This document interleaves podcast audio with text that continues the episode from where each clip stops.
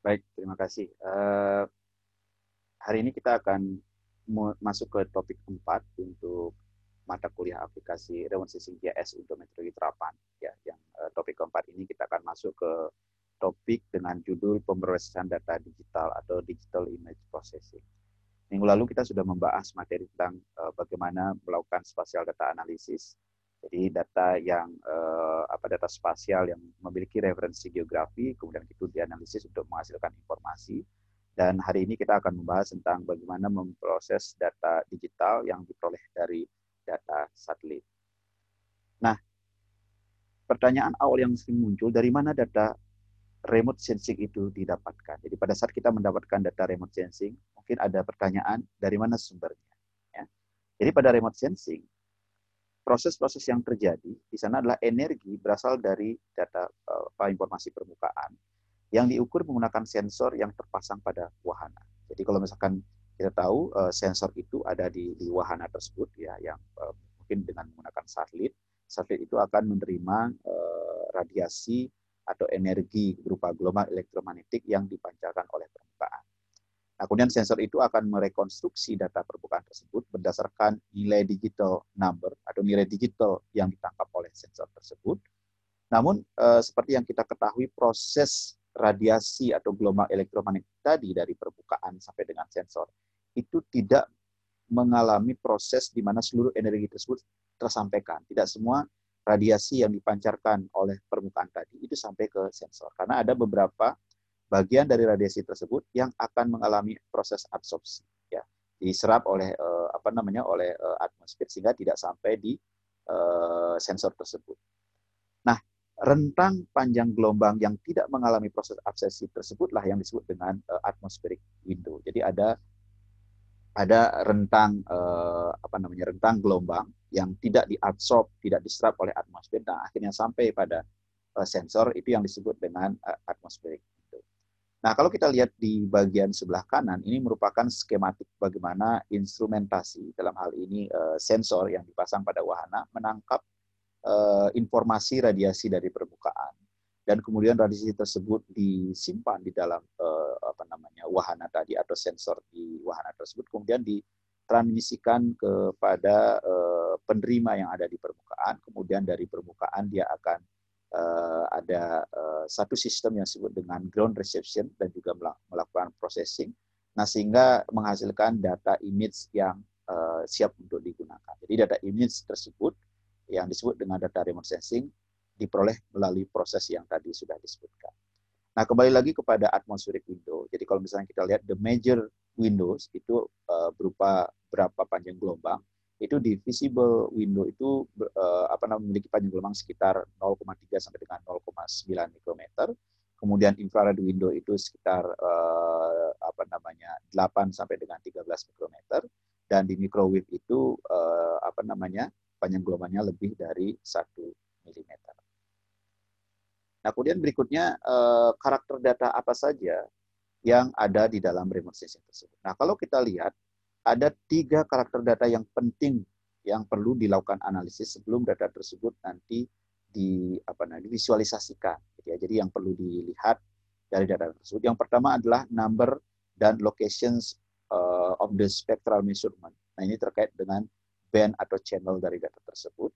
Yang kemudian yang kedua kita perlu melihat bagaimana spatial resolutions dari data tersebut yang nanti terkait dengan size dari pixel tersebut. Jadi tentu saja data-data yang memiliki ukuran pixel misalkan 30 kali 30 dengan pixel yang memiliki ukuran yang lebih uh, kecil itu akan berbeda ya. Jadi kita perlu mengetahui karakter dari data tersebut. Kemudian yang ketiga kita perlu mengetahui radiometric resolution. Nah, di bagian gambar sebelah kanan itu juga menyebutkan uh, number and locations atau band. Jadi beberapa uh, data citra ya dia akan memiliki jumlah band yang berbeda-beda. Jadi number of band itu berapa jumlahnya. Nah, itu akan tergantung dari uh, jenis uh, satelit atau jenis wahana, jenis sensor yang digunakan. Ya, jadi multispektral itu akan menangkap beberapa band. Gitu ya. Nah, kemudian uh, spatial resolution itu adalah satu pixel itu bisa mewakili berapa luasan. Ya. Di sudah disebutkan pixel size. Nah, kemudian di dalam pixel size itu juga ada radiometric resolution. Jadi bagaimana tingkat kecerahan, ya, tingkat kecerahan dari data di dalam pixel tersebut. Nah ini sangat tergantung dari uh, apa namanya nilai bit dari uh, sensor menangkap data tersebut. Jadi kalau misalkan dia menggunakan 8 bit, maka tingkat kecerahannya itu hanya dibagi menjadi 256 uh, bagian. Ya. Tapi kalau misalkan dia uh, lebih tinggi sampai 16, dia bisa mencapai 65 ribu ya lebih uh, tingkat kecerahan yang bisa terbagi. Jadi ini sangat tergantung dari uh, karakter sensor yang digunakan. Jadi itu tiga hal mengenai karakter data, kita perlu mengetahui bagaimana number dan locations atau band, berapa band dan berapa channel gitu ya. Nah, kemudian uh, pixel size dan juga radiometric resolution. Nah, platform itu sendiri bagaimana dia menangkap data di permukaan. Jadi kalau kita lihat wahana yang membawa sensor dan menangkap uh, gelombang elektromagnetik itu melakukan proses yang disebut dengan scanning. Jadi ada beberapa pendekatan scanning yang bisa dilakukan oleh sensor tersebut Eh, dan akan mempengaruhi bagaimana jenis data yang diperoleh. Ya, seperti yang ditampilkan di gambar sebelah kanan itu, pendekatan yang umum dilakukan itulah disebut dengan uh, push brown, push probe, ya, yaitu dengan menggunakan multisensor. Artinya apa? Pada saat melakukan penyapuan, maka ada uh, apa namanya satu wilayah yang bisa disapu dan masing-masing wilayah itu akan memiliki informasi dari uh, sekian uh, sensor. Jadi pada saat satu kali penyapuan, kemudian dilakukan penyapuan berikutnya, itu akan tersimpan di dalam band-band yang berbeda. Artinya apa? Artinya satu pixel ya itu akan memiliki sekian banyak band dengan proses uh, apa nama push group ini ya. Nah, ini akan uh, apa uh, pendekatan ini digunakan dalam uh, dalam apa namanya dalam uh, sensor yang disebut dengan multispektral ataupun juga hyperspektral. Jadi multispektral dengan beberapa band ataupun lebih banyak band yang disebut dengan hyperspektral. Kemudian bagaimana objek itu ditangkap oleh sensor? Objek permukaan ditangkap oleh sensor itu berdasarkan karakteristik radiasi yang dipantulkan oleh objek di permukaan. Jadi masing-masing objek itu memiliki uniqueness, memiliki keunikan. Bagaimana dia memantulkan radiasi uh, yang elektromagnetik yang ditangkap oleh uh, permukaan tadi. Ini dia. Vegetasi itu akan memiliki karakter yang berbeda dalam memantulkan uh, gelombang elektromagnetik dibandingkan dengan lahan terbuka ataupun air. Nah ini yang eh, apa namanya eh, gelombang ini ya eh, akan mempengaruhi dan juga menjadi apa istilahnya jejak bagaimana mengidentifikasi eh, objek yang ada di permukaan. Jadi setiap objek itu memiliki sensitivitas yang berbeda-beda terhadap masing-masing panjang gelombang dari gelombang elektromagnetik tersebut. Nah sehingga dengan demikian jejak-jejak tadi bisa digunakan untuk mengidentifikasi oh ini ternyata objeknya adalah vegetasi. Kemudian ini adalah objeknya air ini adalah objeknya lahan terbuka ya. Jadi itu uh, mekanisme atau pendekatan yang digunakan untuk mengidentifikasi. Nah ada dua pendekatan juga terkait dengan bagaimana uh, sensor menangkap uh, apa namanya menangkap objek atau radiasi tadi tergantung dari apakah radiasi itu berasal dari radiasi matahari yang disebut dengan uh, apa namanya sensor pasif gitu ya dia menangkap pantulan dari radiasi matahari atau juga dia menangkap pantulan dari uh, gelombang yang dipancarkan sendiri. Nah, ini biasanya disebut dengan sensor aktif. Salah satunya adalah pada radar. Jadi pada gambar sebelah kanan di bagian atas itu merupakan bagaimana karakter sensor pasif itu berlaku dan di bagian bawah itu bagaimana sensor aktif itu berlaku. Nah, ini akan ada perbedaan ya. Jadi menangkap sensor kalau misalkan sensor aktif maka itu akan uh, sangat tergantung dari objek ya apakah bagaimana sistem pemantulan dari objek tersebut? Ya uh, apakah dia dipantulkan apakah karena sensor aktif itu bisa memiliki uh, apa namanya uh, energi sendiri gitu ya. Dia uh, bisa menembus dari objek tersebut sampai pada kedalaman artinya ketebalan tertentu. Tetapi kalau sensor pasif itu hanya dipantulkan dari permukaan. Nah tentu Eh, pada saat seperti tadi dikatakan di bagian awal, pada saat permukaan menerima radiasi atau menerima gelombang elektromagnetik dan gelombang elektromagnetik itu di apa namanya dipantulkan kembali dan terima oleh sensor, tentu akan memiliki karakter yang berbeda. Karena apa? Karena eh, apa namanya profil ya profil gelombang yang dipancarkan oleh radiasi matahari tadi kemudian diterima oleh permukaan, kemudian profil radiasi yang dipancarkan oleh permukaan, dan profil radiasi yang diterima atau gelombang elektromagnetik yang diterima oleh sensor itu berbeda. Ya, itu berbeda. Karena ada proses-proses di atmosfer tadi. Ya, sebagai contoh misalkan gambar A, itu asumsinya bahwa tidak ada perbedaan antara uh, uh, spektrum radiasi yang dipancarkan oleh matahari dengan spektrum radiasi yang diterima oleh permukaan. Jadi itu asumsinya 100% dari permukaan itu memantulkan semua spektrum yang diterima oleh permukaan tadi ke sensor dan tidak ada halangan oleh atmosfer. Pada gambar B, itu sensor diasumsikan memantulkan 100% yang diterima, artinya spektrumnya itu akan sama yang dipancarkan oleh radiasi. Tetapi pada saat diterima oleh sensor, dia mengalami uh, perubahan. Itu karena ada proses-proses yang terjadi di atmosfer.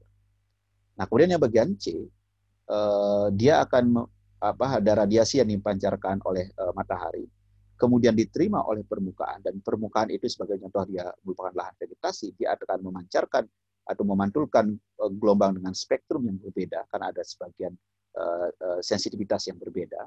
Nah, pada saat dia melewati uh, atmosfer, dia juga akan mengalami perubahan. Jadi artinya apa? Ada proses di sana yang perlu dikoreksi untuk mengidentifikasi bagaimana error tadi itu bisa diminimalkan, ya sehingga kita bisa mengidentifikasi bahwa inilah merupakan radiasi atau identifikasi dari uh, apa namanya tutupan di permukaan. Nah, secara umum kesalahan-kesalahan tadi itu bisa dikategorikan menjadi dua. Yang pertama itu adalah uh, error secara geometri, ya. Yang kedua, yang kedua itu adalah error secara radiometri. Kita akan lihat satu persatu.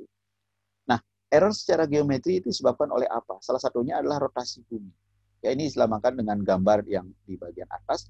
Jadi, kalau misalkan bumi itu tidak berputar, pada saat penyapuan dilakukan oleh sensor, maka dia akan menangkap uh, apa permukaan berbentuk segi empat. Ya, jadi kalau dia perlu misalkan dari awal dia menangkap maka dia akan menangkap itu dan berbentuk segi empat. Akibat adanya rotasi bumi, artinya ada gerakan, dan kemudian pada waktu sensor itu melakukan penyapuan, maka bidang yang ditangkap di bagian awal dengan bidang ditangkap di bagian akhir itu tidak berbentuk, tidak menghasilkan bentuk segi empat. Ya, tetapi menghasilkan bentuk berupa jajaran keja. Nah, di situ ada error. Ya, padahal di permukaan sebenarnya, di permukaan bumi dia berbentuk segi empat. Tetapi nanti pada saat dia diterima oleh sensor, dia berbentuk uh, jajaran keja. Kemudian yang kedua, kesalahan yang kedua itu ada disebut dengan posisi dari platform, ya platform position. Karena apa? Pada saat platform itu terbang, ada kemudian dia mengalami perubahan. Ya, misalkan kecepatan dari altitude-nya berubah, gitu ya. Jadi ada perbedaan uh, ketinggian antara depan dan belakang. Kemudian kecepatan uh, apa namanya uh, kecepatan bergeraknya dengan penyapuan itu berubah, gitu ya ada mengalami rolling ya perubahan kemudian pitch pelebaran dan sebagainya ada mengalami kemiringan dan sebagainya dan itu akan menghasilkan gambar atau hasil uh, apa namanya yang diterima oleh sensor itu akan berbeda nah kemudian juga ada uh, scanning angle jadi sudut penyekenan yang berubah gitu ya jadi ada objek yang mungkin ukurannya 10 kali 10 pada saat ada perubahan angle akibat adanya lengkungan bumi dan sebagainya maka dia menangkap uh, apa namanya luasan yang lebih luas ya berbeda karena ada sudut uh, scanning yang berbeda. Kemudian ada seperti tadi dijelaskan ada uh, per, perbedaan atau ada apa namanya uh, lengkungan bumi juga menyebabkan uh, perubahan-perubahan. Nah inilah sumber-sumber error geometrik. Nah sebelum data itu dianalisis, error-error ini harus dikoreksi terlebih dahulu. Ya, pada bagian berikutnya akan dijelaskan bagaimana kita melakukan koreksi terhadap error-error tersebut. Nah, ini bagaimana kita melakukan koreksi geometri? Umumnya ada dua pendekatan yang dilakukan untuk melakukan koreksi geometri. Yang pertama adalah dengan menggunakan formula berdasarkan pemodelan dari uh, sumber dan asal kesalahan. Nah, ini umumnya diimplementasikan pada proses-proses yang disebut dengan otomatisasi dari uh, apa uh, pelaksanaan atau uh, apa namanya proses koreksi geometri. Jadi koreksi geometri dilakukan secara otomatis. Dengan apa? Dengan menggunakan formula. Artinya apa? kesalahan-kesalahan tersebut harus merupakan kesalahan-kesalahan yang terstruktur. Jadi kita tahu bahwa itu merupakan kesalahan alat, itu merupakan akibat adanya curvature atau apa namanya kelengkungan dari bumi ya. Itu karena ada perubahan kecepatan yang sudah kita ketahui dan sebagainya. Kemudian itu dimodelkan dan implementasikan uh, kita mengetahui lokasinya di mana kecepatan rotasinya berapa dan sebagainya. Kita bisa membuat model tersebut. Nah sehingga itu bisa diimplementasikan dan sehingga hasilnya itu bisa secara otomatis didapatkan Nah, kemudian pendekatan yang kedua itu adalah dengan cara manual. Caranya apa? Caranya adalah kita mendapatkan data real uh, apa hasil sensor tersebut. Kemudian di satu sisi kita memiliki data yang real di lapangan. Nah, kemudian kita menentukan yang disebut dengan ground checkpoint ya uh, atau ground control point. Nah, GCP GCP ini di, di apa diambil dari beberapa lokasi sehingga seperti kita peta itu uh, berupa apa namanya uh, bidang karet itu di stretch disesuaikan lokasinya di mana ya sehingga dengan demikian hasilnya sebagai contoh seperti gambar itu adalah original image yang berbentuk apa namanya rectangle segi empat tadi pada saat dilakukan koreksi hasilnya ternyata berbentuk jajaran geja ya jadi itulah proses ada dua pendekatan utama yang bisa apa pengelompokan pendekatan secara otomatis dan yang kedua adalah secara manual. Mana yang lebih baik? Keduanya memiliki kelebihan dan kelemahan. Tentu yang otomatis itu bisa diimplementasikan jika kita mengetahui kesalahan-kesalahan itu merupakan kesalahan yang terstruktur. Ya, tetapi kalau misalnya itu tidak diketahui akan sangat sulit untuk memodelkan. Nah, kalau misalkan yang kedua itu sangat tergantung dari siapa operatornya, ya, karena proses ini dilakukan oleh uh, uh, apa namanya individu, oleh perseorangan yang sangat dipengaruhi oleh skill dari masing-masing operator. Nah, ini kira-kira geometric processing enhancement yang bisa dilakukan ya prosesnya. Yang pertama adalah dengan neighborhood operations dalam image filtering. Jadi kita melakukan filtering ya. Jadi kita mencari misalkan pixel, kemudian kita membandingkan dengan pixel-pixel tetangga gitu ya. Jadi kita ambil misalkan satu pixel yang ingin dikoreksi, kemudian dibandingkan dengan pixel-pixel tetangga berupa 9 kali 9. Nah, kemudian itu diimplementasikan. Ya, jadi kita melihat bagaimana uh, apa namanya enhancement geometric processing itu sehingga uh, nanti apakah dia ada terjadi pergeseran atau tidak ya. Nah, kemudian yang kedua juga bisa dilakukan dengan image smoothing ya. Image smoothing itu uh, ada uh, tiga uh, apa namanya uh, proses yang bisa dilakukan. Yang pertama ada disebut dengan uh, menggunakan data rataan atau mean value smoothing ya. Kemudian yang kedua menggunakan uh, median median nilai median atau nilai tengah Kemudian yang ketiga adalah nilai modus, jadi nilai model, model uh, filtering. Artinya kita menggunakan nilai yang paling uh, frekuensi tinggi yang muncul di situ, nah, sehingga nanti hasilnya itu akan lebih uh, baik. Jadi kita bisa melihat bagaimana perubahan yang terjadi ya di, di apa namanya di data tersebut dengan menggunakan uh, ketiga proses smoothing ini. Ya, kemudian yang ketiga uh, itu adalah kita melakukan namanya sharp sharpening atau edge detection Ya, jadi kita ingin ingin me, apa namanya melihat atau mempertajam dari hasil uh, objek yang diterima oleh sensor. Ya, jadi uh, kita ingin meng, mengidentifikasi misalkan dua objek yang berbeda, gitu ya. Jadi dua objek yang berbeda kita ingin identifikasi. Nah, kita ingin lihat dari kedua objek tersebut uh, kita ingin bedakan. Nah, ini kita uh, uh, cari apa namanya uh, biasanya titik potong antara kedua objek tersebut. Nah, kemudian kita identifikasi dan kita bisa membedakan objek tersebut. Misalkan di uh, tutupan lahan itu merupakan vegetasi, tetapi dua vegetasi itu memiliki uh, nilai yang berbeda, gitu ya. Maka itu akan dilakukan analisis ya untuk membandingkan bahwa kedua objek tersebut berbeda. Jadi yang satu misalkan lahan sawah, yang satu perkebunan, maka dilakukan sharpening, penajaman ya sehingga kita bisa mengidentifikasi baik secara visual lebih tajam. Nah, sehingga dari situ pada saat kita melakukan koreksi geometri nantinya, itu akan lebih mudah dilakukan. Ya.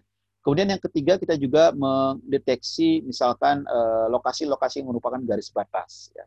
Uh, ataupun sudut yang merupakan pertemuan antara dua garis atau lebih itu dilakukan deteksi seperti tadi untuk memisahkan dua objek yang berbeda termasuk juga garis garis batas itu jadi ini kira-kira lima uh, enhancement yang bisa dilakukan yang itu pertama menggunakan neighborhood operation ya untuk uh, filtering, kemudian smoothing, kemudian sharpening, kemudian detection uh, sudut dan juga uh, spot ataupun garis. Nah, kemudian koreksi radiometri.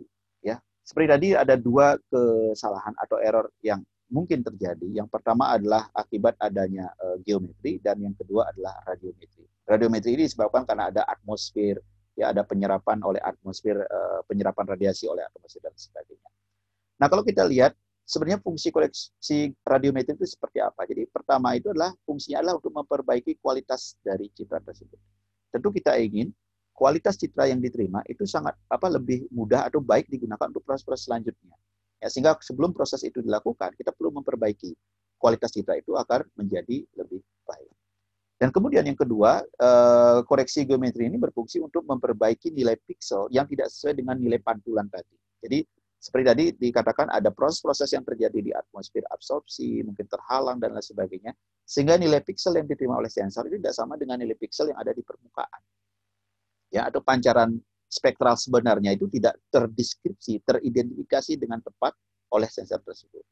Nah, jadi fungsi dari uh, koreksi radiometri adalah mencoba merubah itu, mencoba mengembalikan nilai piksel yang berubah tadi menjadi nilai piksel sebenarnya. Ya. Jadi uh, koreksi radiometri pada data citra itu perlu dilakukan dengan berbagai alasan. Ya. Pertama, data itu uh, umumnya mengalami stripping.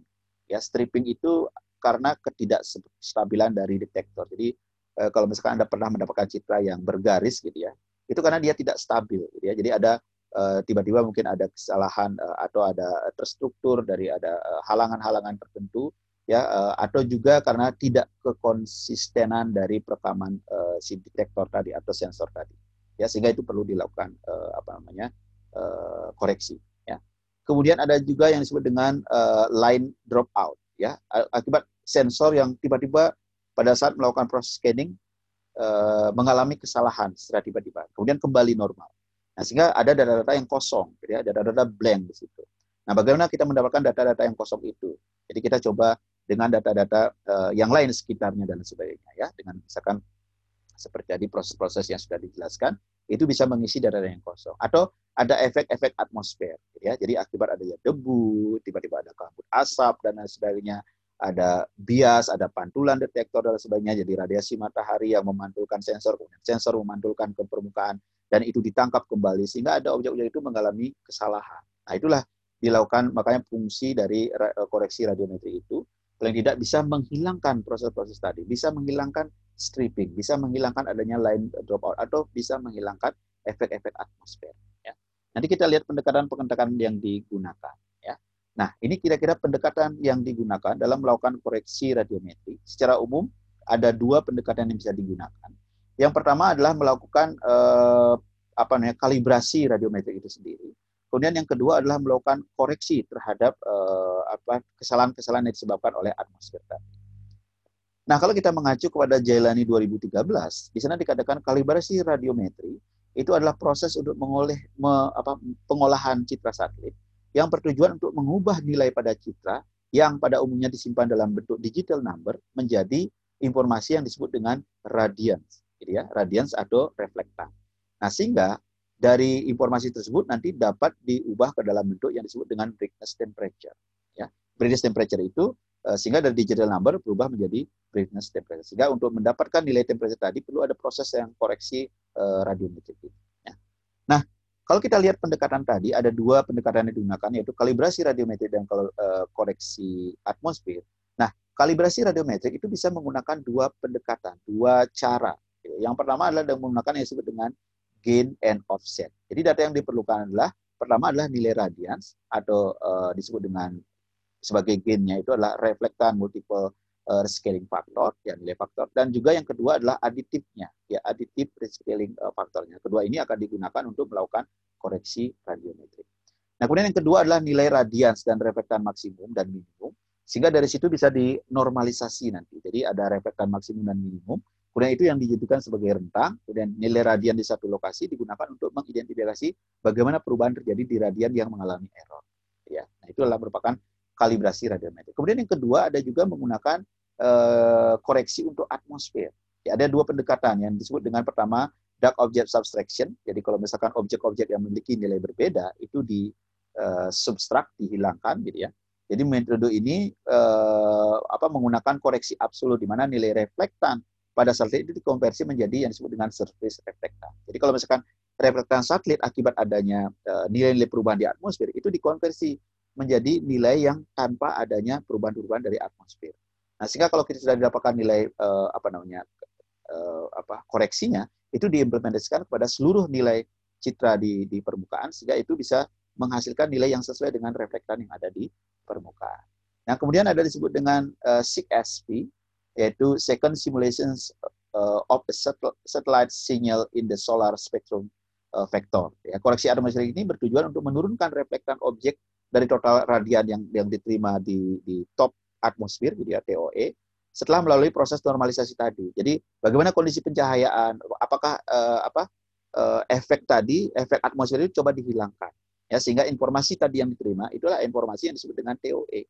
Nah, dari TOE itu baru nanti dilihat identifikasi bagaimana atau apa objek-objek yang ada di permukaan. Ya, jadi kalau misalkan nilainya 10, ternyata objek itu 5, berarti nilai itulah yang digunakan untuk mengkoreksi seluruhan. Ya, sehingga nanti uh, secara prinsip uh, yang diterima oleh sensor itu adalah benar-benar nilai yang diterima oleh permukaan. Nah, radiometric enhancement uh, proses ini uh, dapat menggunakan beberapa pendekatan atau proses. Yang pertama adalah disebut dengan uh, merubah rubah nilai yang disebut dengan image histogram dan juga contrast modification. Jadi kalau kita lihat di dalam data, misalnya kita memiliki data, kemudian kita lihat nilai histogram. Dari nilai histogram itu kita coba uh, konversi, ya. Kita rubah nilai histogramnya, dinaikkan, kemudian uh, apa namanya uh, apa bentuknya, bentuk histogramnya dirubah, gitu ya, kemudian nilai rataan dirubah. Uh, untuk melihat visual dari data tersebut akan lebih lebih baik, ya. Atau melakukan kontras modification. Jadi kita lakukan nilai kontras itu perubahan nilai kontras untuk mengidentifikasi perbedaan antara dua objek yang berbeda. Nah, di sana dicontohkan untuk kontras sebagai contoh misalkan yang poor kontras dan good kontras itu sangat jelas terlihat. Jadi kalau misalkan yang poor kontras itu histogramnya itu uh, sempit gitu ya. Uh, memiliki rentang yang sempit gitu ya. Kemudian yang good kontras itu rentang yang lebih lebar. Ya, jadi dicoba Eh, rentangnya itu dilebarkan, diperpanjang untuk meningkatkan nilai kontras antara satu objek dengan objek yang lainnya. Ya. Atau nilai tinggi rendahnya yang disebut dengan saturated dari dari kontras itu dirubah, nilai maksimum minimumnya kita rubah. Ya. Jadi bisa merubah nilai uh, rentang dan juga nilai maksimum dan minimum. Nah, sehingga itu bisa digunakan sebagai identifikasi, nanti objek itu akan lebih mudah untuk dibedakan. Nah, kemudian yang kedua disebut dengan histogram equalization. Ya, jadi persamaan uh, apa uh, formula yang digunakan untuk mengkonversi nilai histogram. Dan ini sudah umum ya, ada beberapa persamaan-persamaan yang bisa digunakan. Dari persamaan itu sebenarnya mentransfer bagaimana histogram awal original data itu ditransfer sesuai dengan persamaan. Artinya apa? Kalau kita misalkan uh, menggunakan fungsi maksimum minimum, maka rentangnya itu akan dibesarkan dari nilai maksimum dan minimum. Kemudian dibuat suatu histogram baru yang menggunakan nilai maksimum dan minimum. Ya. Jadi ada ada persamaan yang digunakan untuk. Kalau tadi yang awal itu kemudian melakukan uh, proses itu secara manual. Kalau yang equalization ini kita menggunakan uh, equation atau menggunakan persamaan untuk membuat rentang histogram atau bentuk histogram yang baru sehingga itu bisa diimplementasikan kepada objek dan akan menghasilkan bentukan atau nilai uh, apa namanya data yang baru. Ya. Kemudian yang ke, yang berikutnya yang keempat ada di, disebut dengan histogram matching. Jadi kita harus memiliki satu reference histogram terhadap satu objek. Sebagai contoh misalkan vegetasi. Jadi data vegetasi kita memiliki reference dari histogram itu. Kemudian ada data lain yang kita akan identifikasi menjadi uh, vegetasi menggunakan reference tersebut bentuk histogramnya. Nah, sehingga nanti uh, sebaran histogram atau bentuk histogram itu akan menyesuaikan dengan reference. Nah, sehingga objek-objek yang merupakan vegetasi kita bisa identifikasi karena memiliki histogram yang sama dengan uh, reference. Nah, itu yang disebut dengan histogram matching. Atau yang berikutnya itu disebut dengan density slicing. Jadi kalau kita memiliki nilai digital number ya atau nilai brightness di sini, nilai brightness itu kemudian diakumulasi, kemudian kita cari nilai brightness mana yang bisa mengidentifikasi objek tersebut. Itu di slice, jadi dipotong uh, apa rentang dari brightness tadi atau ke apa namanya kecerahan tadi yang digunakan untuk mengidentifikasi. Jadi itu merupakan rentang yang digunakan untuk mengidentifikasi objek A, objek B, objek C. Ya, dengan dengan demikian itu akan lebih mudah untuk diidentifikasi. Jadi itu kira-kira lima uh, enhancement objek yang bisa dilakukan, yaitu dengan image histogram, contrast modification, histogram equalization, histogram matching, dan juga uh, density slicing. Nah, kemudian berikutnya setelah kita melakukan enhancement uh, secara geometri dan secara radiometri, langkah berikutnya itu adalah kita melakukan yang namanya interpretasi dari data citra. Nah, interpretasi data citra ini dapat dilakukan melalui dua uh, pendekatan. Yang pertama adalah dengan foto interpreter, ya. Kemudian yang ketiga, yang kedua adalah dengan quantitative analysis. Nah, foto interpreter ini adalah uh, apa namanya interpretasi data citra secara manual. Jadi human atau pengguna ya uh, yang memiliki skill atau kemampuan tertentu itu mencoba menganalisis data citra yang diberikan. Maka proses tadi seperti image enhancement, radiometric correction, geometric correction itu perlu dilakukan sehingga si si interpreter tadi itu dapat mudah mengidentifikasi oh ini objeknya apa ini objeknya apa ini objeknya apa ya kemudian mungkin histogram akan dirubah dan sebagainya ya jadi foto interpreter itu adalah proses interpretasi yang dilakukan secara manual oleh pengguna berdasarkan kemampuan atau skill yang dimiliki Kemudian pendekatan yang kedua dapat dilakukan dengan quantitative analysis. Quantitative analysis itu adalah proses interpretasi yang dilakukan secara otomatis.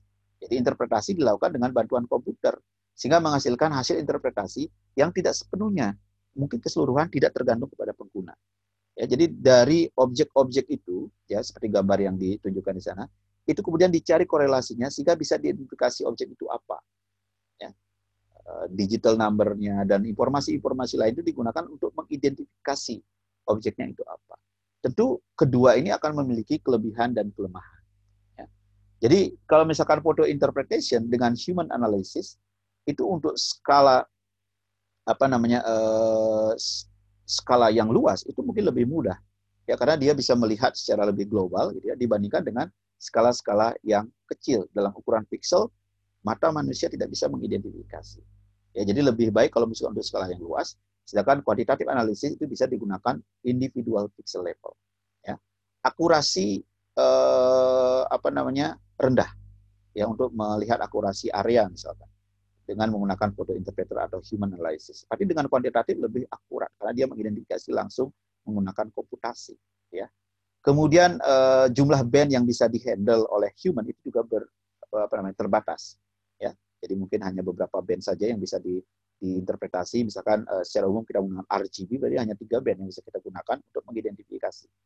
Tapi kalau dengan quantitative analysis dengan bantuan komputer, ya dengan uh, pemrograman dan pendekatan tertentu, itu bisa lebih banyak. Ya, uh, multi band bisa dilakukan analisis, dan itu dimungkinkan.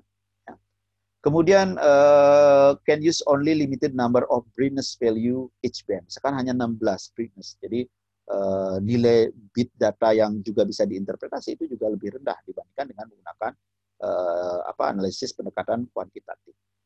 Kemudian determination, set determination itu lebih mudah ya. Karena uh, apa dengan human dia bisa mengetahui objek-objek ini apa. Nah, itu lebih mudah untuk diidentifikasi. Sedangkan untuk kuantitatif dia lebih kompleks karena dia tidak tidak bisa secara visual untuk mengetahui ini objek apa. Dia hanya mengetahui berdasarkan informasi-informasi yang diberikan. Sedangkan human itu memiliki sense, memiliki skill, memiliki pengalaman ya untuk mengidentifikasi tersebut. Kemudian spatial information itu uh, untuk digunakan secara umum dan langsung digunakan itu lebih mudah karena human manusia itu umumnya tahu apa yang diperlukan oleh pengguna sehingga dia bisa mengetahui bagaimana interpretasi itu harus dilakukan. Tetapi dengan quantitative analysis ya dengan bantuan komputer maka spatial decision itu tetap harus dilakukan yang bersifat umum itu sangat terbatas karena dia akan memberikan informasi yang sangat kompleks. Dan untuk menjadikan informasi yang diberikan kepada uh, pengguna, maka dia perlu melakukan proses-proses lanjutan. Gitu ya. Nah, itu kira-kira dua pendekatan yang bisa digunakan. Masing-masing memiliki kelebihan dan juga kelemahan uh, sendiri tergantung dari tujuan. Jadi kalau tujuan ingin data yang besar, dilakukan lebih cepat, uh, informasi diberikan uh, apa namanya lebih cepat gitu ya, uh, uh, tanpa mementingkan nilai akurasi, mungkin oleh photo interpretations atau human analysis itu lebih cepat dilakukan dibandingkan dengan komputasi. Tetapi kalau kita ingin akurasi yang lebih tinggi, maka kita perlu melakukan quantitative analysis dengan bantuan komputer. Nah, di dalam quantitative analysis itu ada dasar-dasar yang perlu diperhatikan. Paling tidak ada tiga hal dasar yang perlu diperhatikan dalam quantitative analysis. Yang pertama itu disebut dengan pixel vector dan spectral space. Ya, jadi kita ingin melihat uh, bagaimana uh, apa namanya kombinasi dari vektor-vektor tersebut di dalam analisis kuantitatif kita perlu melihat atau memberikan informasi bagaimana spektral rentang spektralnya uh, dari data tersebut. Kemudian juga nanti kita bisa menggunakan yang disebut dengan linear classifier ya, kemudian atau statistical classifier. Jadi pada saat kita mengidentifikasi objek tersebut uh, yang pertama misalkan dengan pixel vektor itu kita apa memberikan informasi kepada komputer untuk membagi uh, informasi apa namanya objek-objek tersebut berdasarkan uh, apa namanya nilai spektralnya gitu ya. Jadi dikategorikan misalkan dengan uh, eh, PCA gitu ya principal common analysis dan lain sebagainya itu akan bisa didapatkan objek-objek seperti apa. Seperti gambar di sebelah kanan itu vegetasi untuk kelas vegetasi itu dibedakan ya. Kelas vegetasi kelas tanah kelas apa namanya water itu dibedakan. Dan itu ada boundary nah boundary itu didapatkan dari mana dari nilai pixel ya dari nilai spektral dari uh, apa rentang nilai pixel dan nilai rentang spektral yang dimiliki oleh objek tersebut Nah, atau pembatasannya digunakan nilai linear saja. Ya, bisa juga. Jadi linear uh, linear classifier itu adalah bentuk dari salah satu contoh supervised classification dengan meletakkan nilai batas itu berupa garis sederhana gitu membedakannya. Ya, uh, jadi kita letakkan saja batasnya, misalkan dengan metode yang disebut dengan support uh, vector mesin misalkan. Jadi kita mencari objek tersebut, oke nilai batas uh, objek satu dan objek dua, yaitu dengan uh, apa namanya training area, kita mengetahui oh ini batasnya, ya. Atau dengan artificial neural network untuk mengetahui nilai batas itu. Jadi di, di apa namanya digunakan batas yang linear uh, untuk membedakan antara objek satu objek kedua. Atau berikutnya bisa juga menggunakan nilai statistik. Ya, jadi kita menggunakan nilai uh, frekuensi. Jadi menggunakan asumsi nilai batas itu dibuatkan dari nilai probability distribution dari spektral. Jadi bukan nilai batas secara linear seperti pe, apa namanya pendekatan sebelumnya, tapi menggunakan yang namanya probability distribution dari spektral tersebut. Nah, sehingga dari nilai statistik tadi itu dapat dibedakan mana yang merupakan air, mana yang merupakan vegetasi, dan mana yang merupakan uh, batas di antara kedua wilayah tersebut, ya atau soil. Dan kita bisa kan dapatkan nilai boundary-nya itu berdasarkan probability distribution dari spektral tersebut. Nah, eh, di dalam melakukan interpretasi hal umum yang yang dilakukan itu biasanya kita melakukan yang namanya klasifikasi. Ya, umumnya kita eh, memiliki dua pendekatan dalam melakukan proses klasifikasi.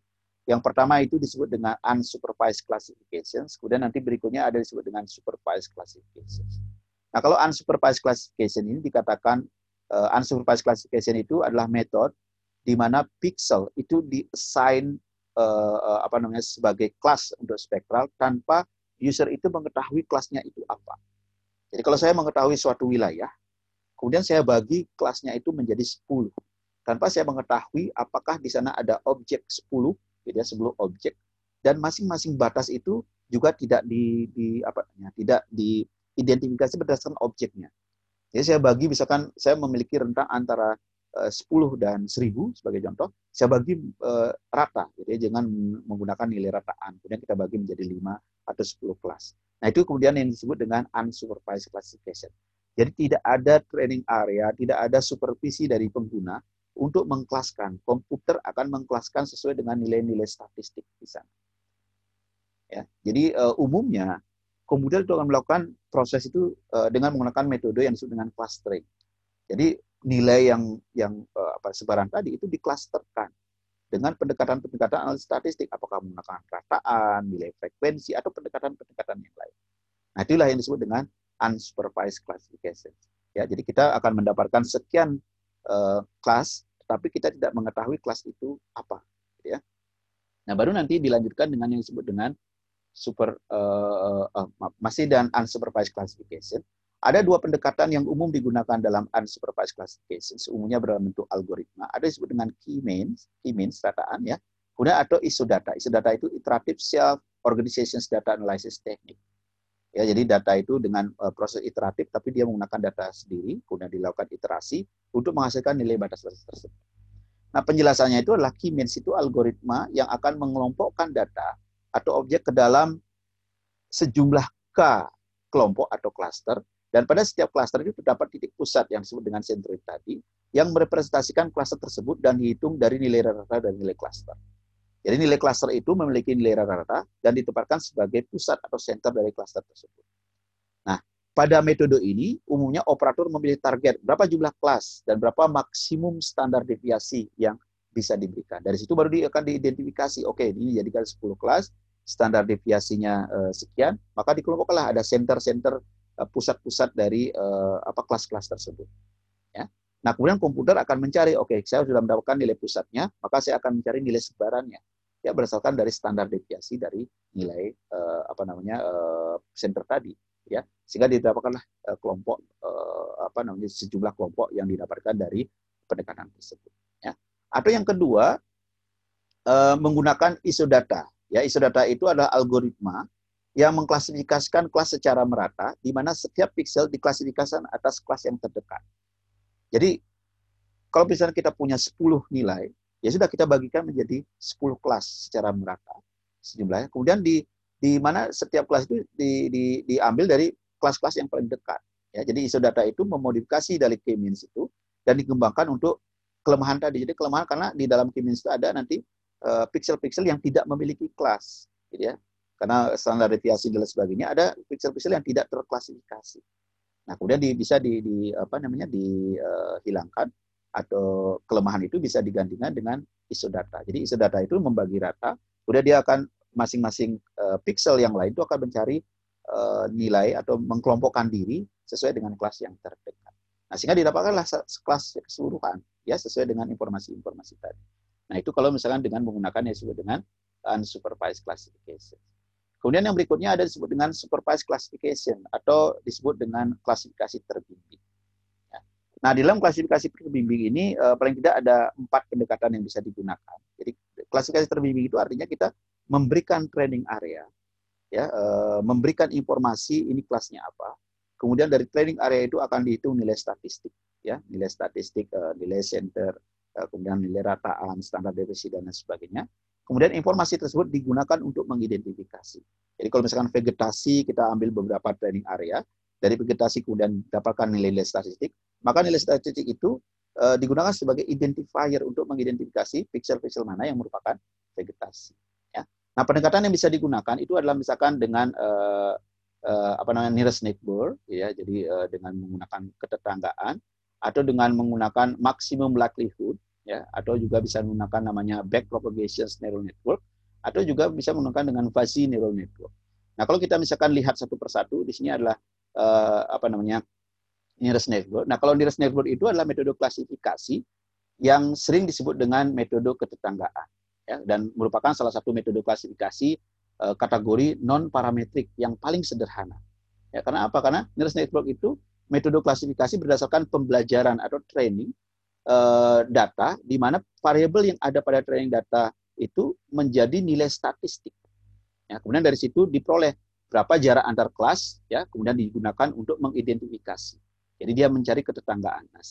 Nah, setelah diperoleh jarak antar kelas itu, baru pixel-pixel diklasifikasikan menjadi kelas yang jaraknya paling dekat dengan variabel-variabel tadi. Ya. Nah, sehingga jika kita menggunakan nilai spektral dari misalkan satelit multispektral, maka ruang variabel yang berdimensi pada sejumlah band itu akan menjadi uh, apa namanya masukan dan juga diklasifikasikan di di kelas tersebut. Ya. Jadi itu kira-kira metode yang uh, nearest network. Jadi uh, dekat jauhnya dari tetangga itu dihitung dengan pro, uh, dengan persamaan yang disebut dengan Euclidean distance ya.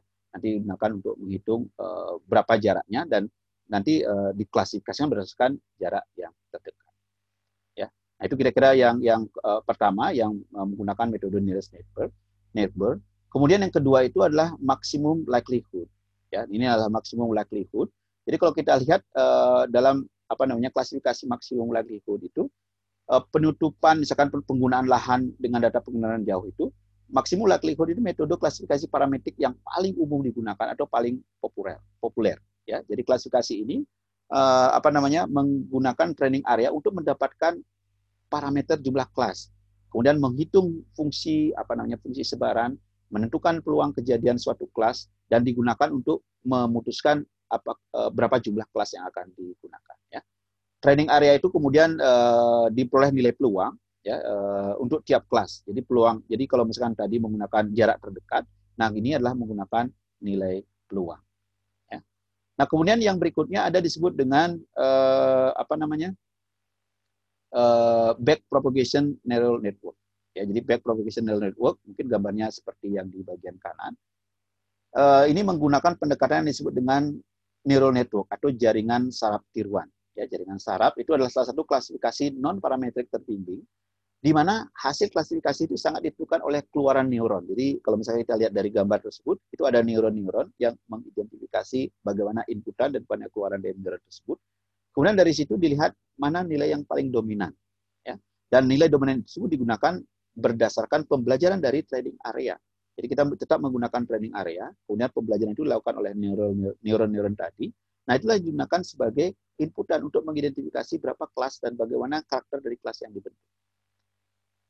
Ya. Jadi uh, back propagation ini jenis neural network yang yang menggunakan multi layer ya, yang terdiri dari beberapa kumpulan neuron, neuron di sana yang uh, misalkan ada lapisan input, input layer, kemudian ada hidden layer, layer tengah, kemudian output di mana masing-masing lapisan itu memiliki karakter bagaimana informasi itu atau persamaan yang digunakan untuk mengidentifikasi di masing-masing layer tersebut. Jadi masih prinsipnya seperti black box karena di hidden layer itu uh, menggunakan persamaan-persamaan korelasi antara uh, apa namanya karakter ya karakter dari inputan dan luaran. Nah kemudian yang berikutnya ada disebut dengan uh, karakter apa namanya metode klasifikasi dengan fuzzy uh, apa namanya fuzzy neural network ya kira-kira seperti ini. Dan hampir sama dengan tadi back propagation neural network. Di dalam uh, apa namanya fuzzy uh, apa uh, fuzzy neural network ini memang belum banyak digunakan tapi ada beberapa perangkat lunak yang sudah mengidentifikasi atau me, apa namanya menggunakan pendekatan ini ya jadi kalau misalkan di dalam back propagation neural network itu memiliki kelemahan bahwa klasifikasi itu memerlukan waktu yang cukup lama untuk melakukan training area karena dia harus mengidentifikasi satu persatu di mana dia nilainya uh, apa namanya uh, nol dan satu gitu ya nol dan satu untuk mengidentifikasi. Nah di dalam fuzzy neural network itu mencoba mengatasi kelemahan itu dengan merubah nilai 01 itu atau digital tadi menjadi nilai antara 0 dan 1. Jadi keputusan itu tidak didasarkan adalah nilai absolut tetapi adalah nilai antara ya sehingga itu bisa menjadikan uh, fuzzy kalau misalkan Anda tahu fuzzy dengan nilai fuzzy itu bisa mengidentifikasi antara nilai misalkan 0,3, 0,4 dan seterusnya. Ya. Jadi masih banyak pengembangan dan uh, penggunaan fuzzy neural network ini menggunakan sama dengan back propagation dia juga menggunakan neural network yang berlapis dan lapisnya itu ada layer-layer seperti misalkan input gitu ya. Kemudian ada uh, nilai tengah kemudian ada layer output.